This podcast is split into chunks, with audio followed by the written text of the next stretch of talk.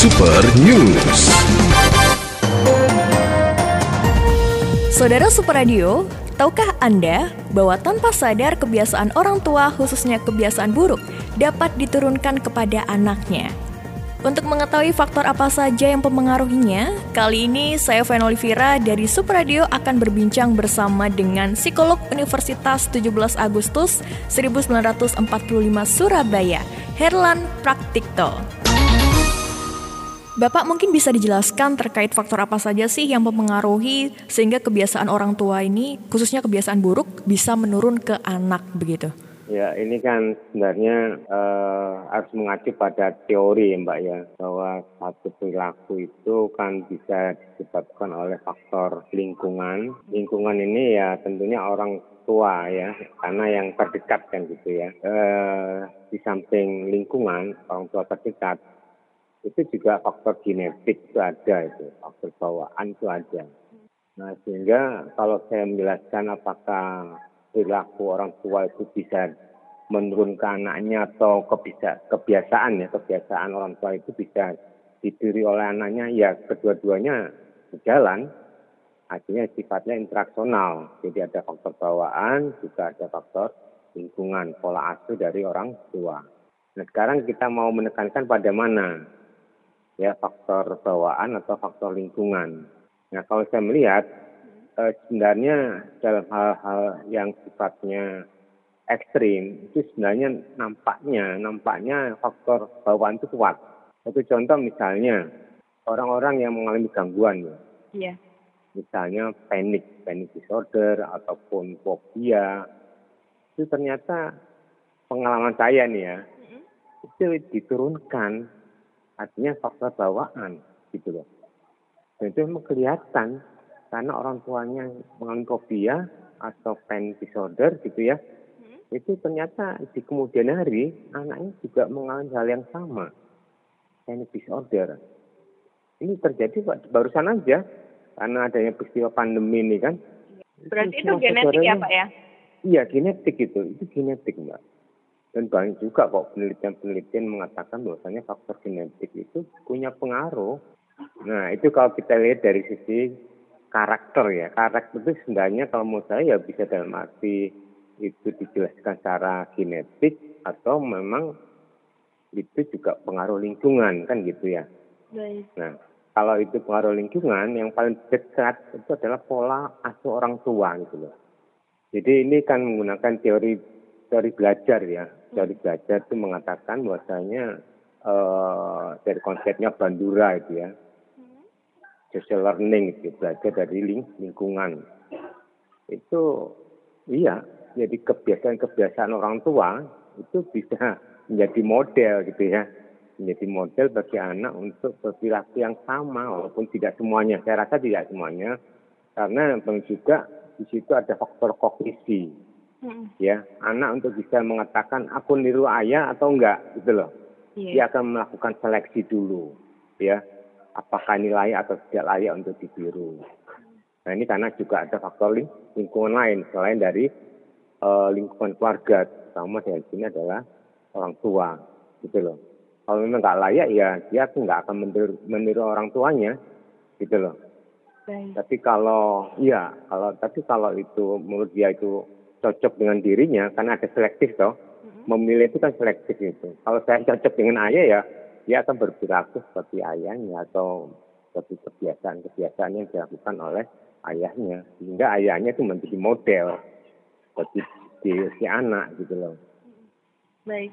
Untuk kedua faktor hmm. ini yang lebih dominan itu yang mana ya Pak? Apakah hmm. lingkungannya? Iya, atau... iya. Ini ini yang repotnya di situ. Jadi kita lebih uh, lebih sah ya, lebih sah. Jadi kalau mau ngomong itu sifatnya interaksional interaksional. Jadi iya interaksional saling mempengaruhi antara faktor lingkungan dengan faktor genetik itu. Cuma kembali lagi ya, kalau menurut saya, kalau untuk kejadian-kejadian atau peristiwa-peristiwa ya, perilaku yang ekstrim itu biasanya lebih banyak faktor genetik kalau memang ada unsur unsur genetiknya gitu ya. Kalau tadi Bapak sempat uh, berbicara bahwa faktor genetik misalkan uh, hmm. trauma, lalu pen, iya, iya, iya. dan sebagainya. Hmm. Mungkin kalau lingkungan itu juga, ada ada iya ada ada penelitian ya. Hmm. Ada penelitian seekor tikus dibuat trauma gitu, dibuat trauma. Hmm. Ya kan? Nah, ternyata ketika dia itu punya keturunan tikus yang sudah mengalami trauma ini, gitu, itu melahirkan anaknya, anaknya itu tanpa di dibuat kondisi trauma itu juga ternyata ketika dihadapkan pada sesuatu yang membuat orang tuanya induknya itu trauma dia ikut ikut trauma juga menghindar. Baik. Ya itu contoh aja contoh aja itu ya. Uh, termasuk uh. adakah gen seperti kejahatan lalu suicide begitu pak? Oh iya iya. Iya iya. Nah, itu faktor genetik itu kayak teorinya Lombroso itu kan ya gitu kan. Bahwa uh, kejahatan itu diturunkan. ya kan? Itu bisa dilihat dari uh, kalau menurut saya memang lama ya Mbak ya. Tapi hmm. ternyata dari penelitian terdahulu itu juga demikian. Hmm. Bisa dilihat dari tipologi ya, artinya bentuk wajahnya gitu loh Mbak. Iya. Itu kan juga faktor keturunan gitu loh. Cuma kembali lagi dari Lombroso itu faktor genetik itu sudah lama kan. Hmm. Nah kemudian kita beralih pada teori lingkungan, faktor belajar, gitu loh. Tetapi kita nggak bisa mengatakan teori Lombroso genetik itu kemudian uh, jatuh, ya, karena di dalam kenyataannya juga masih ada itu, ya, orang-orang yang seperti apa uh, teori Lombroso itu benar juga, gitu loh. Cuma kalau ditanya itu sejauh mana sih peran dari faktor lingkungan atau genetik ini yang uh, kita belum punya data-data yang lengkap gitu ya. Karena va, uh, variasi atau faktor penyebab lain juga demikian banyaknya gitu loh. Sehingga kalau kita menggunakan model interaksional ya kedua faktor itu atau kedua variabel itu saling terkait gitu loh. Cuma mana yang dominan ya kita nggak bisa secara pasti berapa persen untuk faktor genetik untuk uh, lingkungan itu berapa persen kita agak kesulitan data-data itu. Baik, Bapak mungkin bisa memberikan contoh terkait uh, faktor lingkungan yang mempengaruhi Iya, kebiasaan ya. Iya, iya banyak Mbak. Contohnya banyak itu kalau faktor lingkungan itu terutama pola asuh dari orang tua gitu ya. Hmm. Ya. Nah, pola asuh itu kan ada tiga macam itu ya. Itu Artinya kalau misalnya orang tuanya itu keras gitu, yeah. itu bisa mempengaruhi anak untuk berlaku, berperilaku yang sama dengan orang tuanya, hmm. gitu loh. Atau tadi karena ada faktor kognisi sehingga anak aku tidak akan mencontoh, ya toh, hmm. orang tua saya di dalam desa sejak kecil itu. Nah di sini ada semacam pemahaman, ya toh, karena tadi saya katakan lingkungan bukan hanya lingkungan orang terdekat gitu ya, tapi juga juga teman atau yang lain, informasi lain dari luar, hmm. itu juga akan mempengaruhi kognisinya gitu loh. Hmm. Nah, sehingga belum tentu satu pola asuh tadi saya katakan misalnya keras ya atau oh apa itu otoritarian gitu ya. Hmm. Itu lalu anak akan juga melakukan pola asuh yang sama atau perilaku sama dengan orang tuanya. Karena ada faktor kognisinya tadi gitu loh pemahaman untuk melakukan seleksi ikut apa enggak ikut gitu loh. Baik. Berapa waktu berapa lama sih Pak untuk uh, waktu anak ini uh, menduplikasi itu? Iya, menduplikasi ya. Tapi sebenarnya ya, ya faktor belajar pada anak itu kan sebenarnya dimulai dari keluarga dulu gitu ya. Iya. Jadi keluarga dulu, ya kan. Nah, masa perkembangan growth age itu memang pada usia 0 sampai 5 tahun gitu ya. Mm-hmm. Itu sangat penting ya untuk diperhatikan di dalam proses orang tua itu melakukan pola asuh, mengasuh gitu ya. Mm-hmm. Karena itu yang menjadi dasar anak pertama kali itu melihat mm-hmm. ya bagaimana cara orang tua itu memperlakukan dirinya, berkomunikasi, melakukan asuhan pada dirinya. Jadi pada anak itu benar-benar hanya melihat aja mbak, melihat lalu meniru gitu loh, ya kan? Misalnya orang tuanya buang sampah sembarangan, nggak akan jauh tuh berlaku anaknya dengan orang tuanya gitu loh. Iya kan? Iya. Apa yang dilihat gitu loh. Oh, orang tuaku gitu toh ya sudah. gitu loh. Itu ini ini jadi penting itu. Penting memang uh, pola asuh orang tua itu supaya tidak menjadi baik jadi model kalau itu baik loh ya. Mm-mm. Tapi tidak menjadi model kalau itu buruk gitu. Baik. Berarti Iya. usia 0 sampai 5 tahun ya Pak proses anak Iya, itu? iya, karena itu paling rentan untuk anak itu belajar dengan model ya, dengan model. Belajar dengan Karena dia hanya lihat apa yang konkret gitu, apa yang nyata gitu loh. Jadi ada semacam imitasi ya, belajar dari orang tua yang terdekat itu.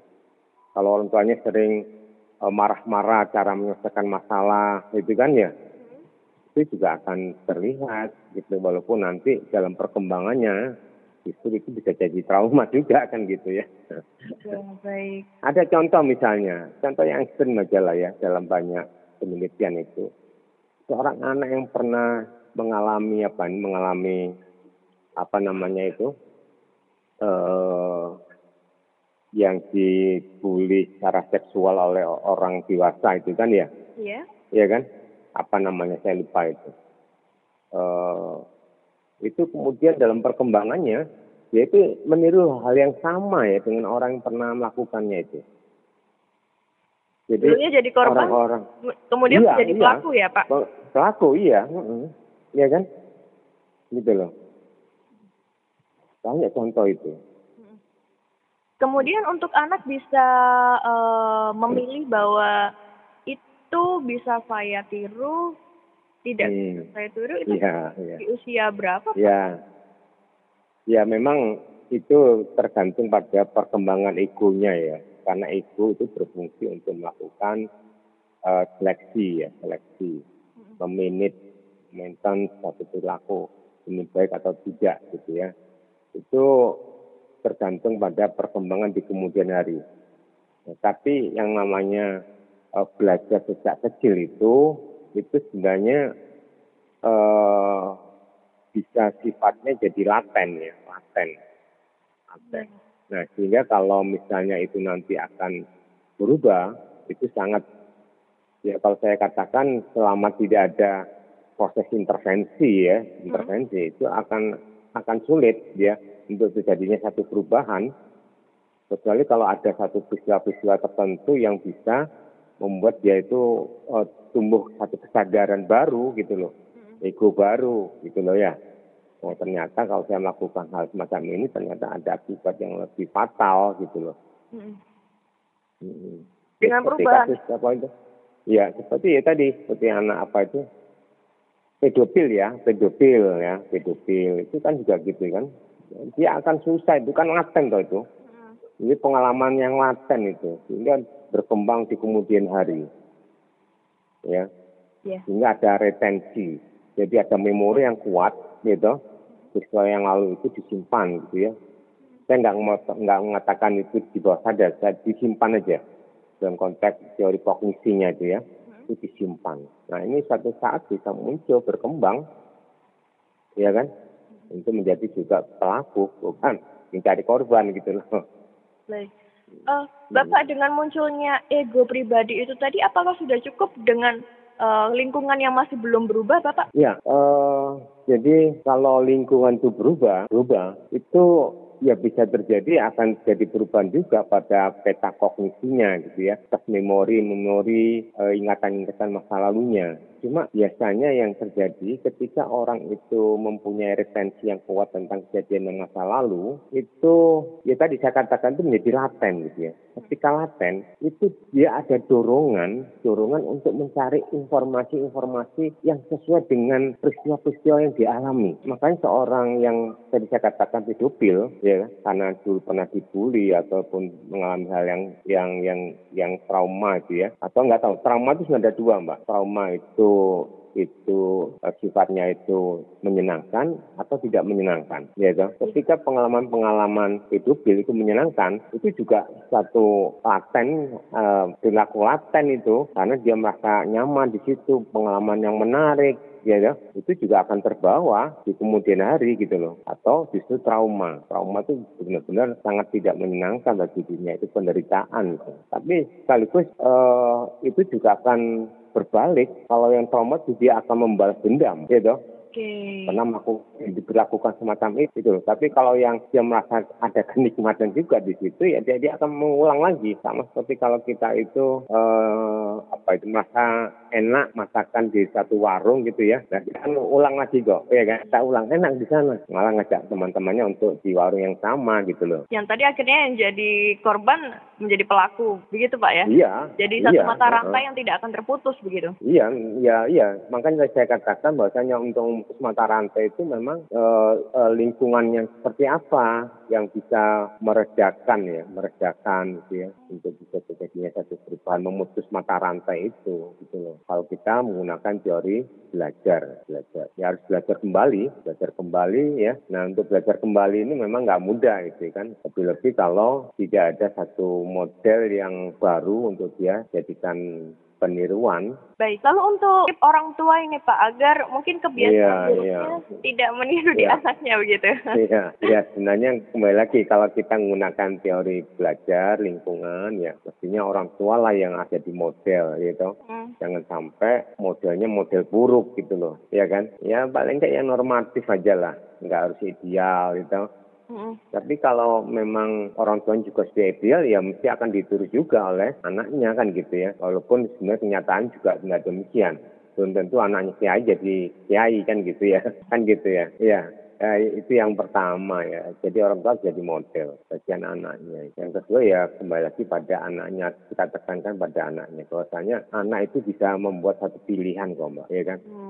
Okay. Ya, anak itu bukan seperti mesin gitu ya. Yang sifatnya mekanis gitu. Hmm karena orang tua saya seperti ini aku niru enggak juga gitu loh kan ini juga akan terkait dengan masalah perkembangan tuh perkembangan ego perkembangan kesadaran dari anak itu ya kan juga faktor belajar mm-hmm. ya sehingga bisa adanya perubahan di dalam kognisinya. Saya nggak harus meniru orang tua saya. Nah gitu loh. Iya. Kemudian ada lagi pak? Yang ketiga ya kalau menurut saya, saya pilihlah lingkungan yang yang apa ya yang kalau dikatakan baik ya bisa juga ya. Tapi kumpullah dengan anak-anak yang relatif juga baik juga lah. Itu juga jadi penting sebagai apa ini sebagai uh, lingkungan lain yang bisa uh, terus serta menyumbang apa ini pemikiran baru ya, untuk merubah perilaku-perilaku yang sudah terbentuk sebelumnya karena peniruan dari orang orang tua tersebut. Baik Saudara Supradio, apa yang tadi disampaikan oleh Pak Herlan, psikolog Universitas 17 Agustus 1945 Surabaya, bisa menjadi catatan untuk para orang tua ataupun mereka yang nantinya akan menjadi orang tua. Saya tidak akan memberikan kesimpulan karena Anda yang menentukan. Nantikan perbincangan saya dengan narasumber lainnya dengan topik menarik. Saya, Vena Olivira, Supradio, salam merdeka. Super News.